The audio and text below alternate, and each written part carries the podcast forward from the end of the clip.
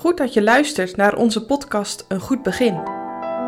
Deze zes weken staan we stil bij verschillende thema's rond christelijk leven. Vandaag met Laurens Kroon.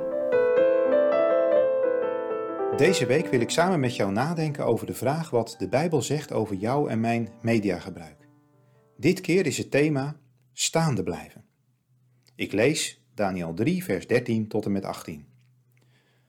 Toen zei Nebukadnezar in toorn en grimmigheid dat men Zadrach, Mezach en Abednego voorbrengen zou. Toen werden die mannen voor de koning gebracht.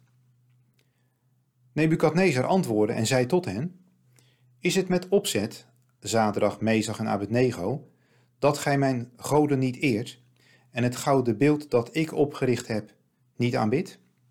Nu dan, zo gij gereed zijt, dat gij ten tijde als gij horen zult het geluid van de hoorn en van de pijp, van de citer, van de vedel, van de psalters en van het akkoordgezang en van allerlei soort van muziek, neervalt en aanbidt het beeld dat ik gemaakt heb, zo is het wel.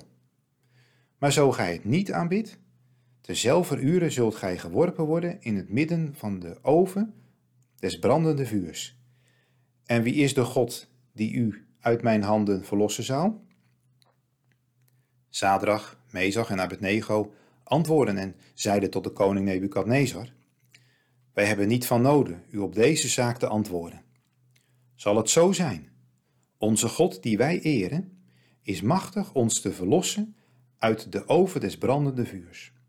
En hij zal ons uit uw hand, o koning, verlossen. Maar zo niet.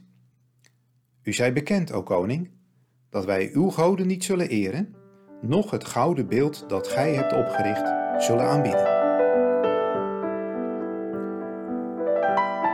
Zulke momenten herken je vast wel. Die ene muisklik, die ene foto, dat ene filmpje. Doe ik het wel of doe ik het niet? Zo zullen die drie jongens in het Daldura ook gestaan hebben. Buigen we wel of buigen we niet? Buigen of branden? Wat zou jij gedaan hebben? Deze jongens blijven niet overeind in eigen kracht. Eenmaal voor de koning getuigen ze, onze God die wij eren, in vers 17. Dat is hun geheim.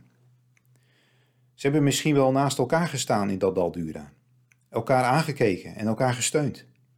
Maar in de geestelijke strijd in het Daldura ontvangen ze door Gods genade kracht om de goede keus te maken. Ze mogen God de eer geven in hun leven. Ook als Nebukadnezar hen een tweede kans geeft.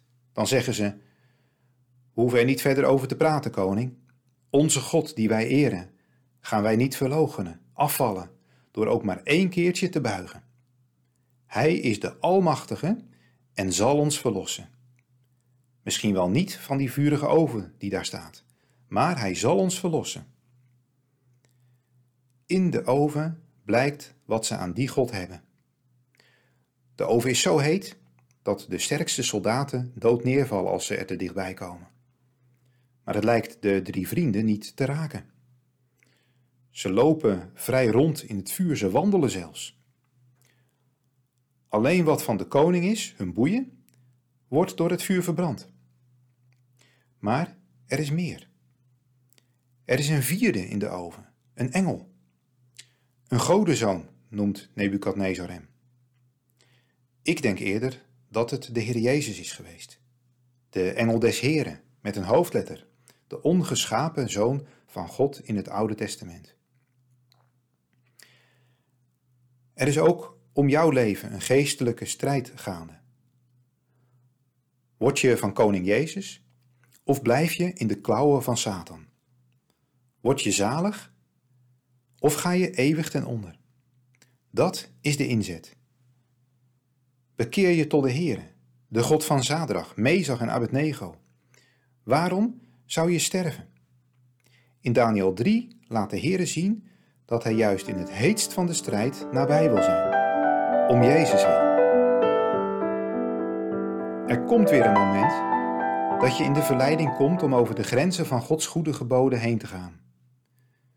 Denk dan aan deze geschiedenis. Alleen het geloof in de Heer Jezus Christus geeft je de kracht om staande te blijven.